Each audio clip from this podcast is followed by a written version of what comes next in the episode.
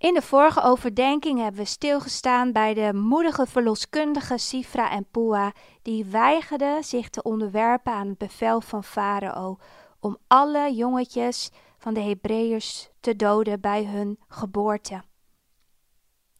Maar Farao geeft niet zomaar op. Het kwaad heeft hem in de greep.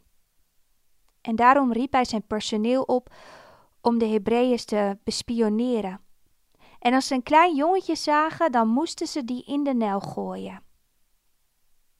En zo zie je maar, Satan gebruikt mensen die geen ontzag voor God hebben om zijn plan voor te zetten, namelijk Gods kinderen uitroeien, vernietigen en bang maken.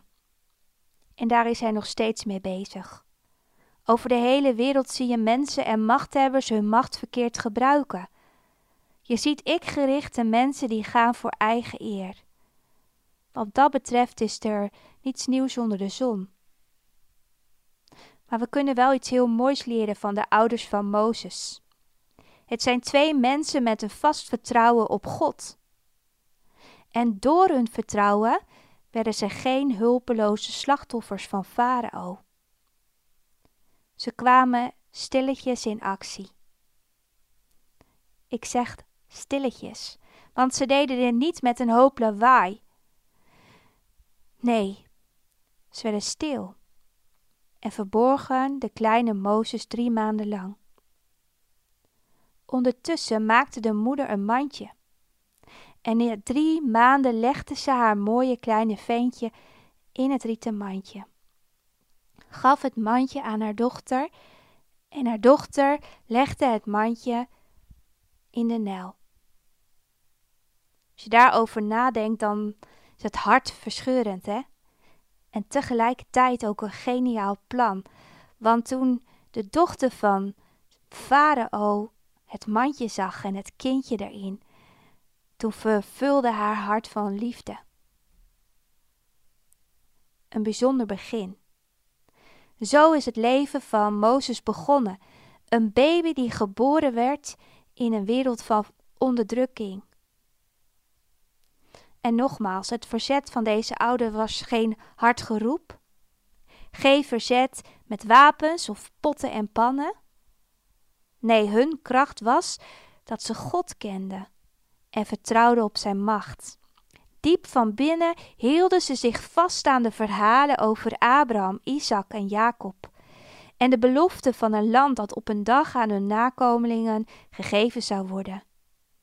En die verhalen werden van generatie op generatie doorgegeven. Wat kunnen we daar vandaag van leren?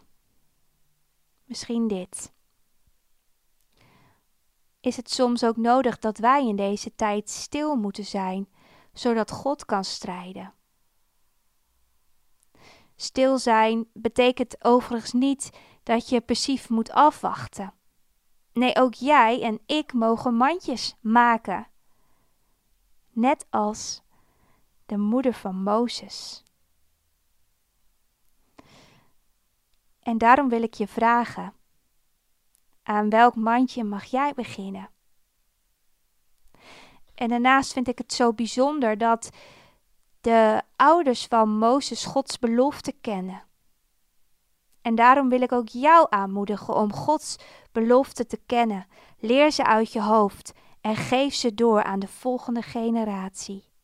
Gods belofte helpen je om niet een hulpeloze slachtoffer te blijven, maar ondanks alles staande te blijven. En daarom, broer en zus, blijf niet gefocust op de omstandigheden, maar strek je uit naar de hoopvolle toekomst, want die komt er echt aan.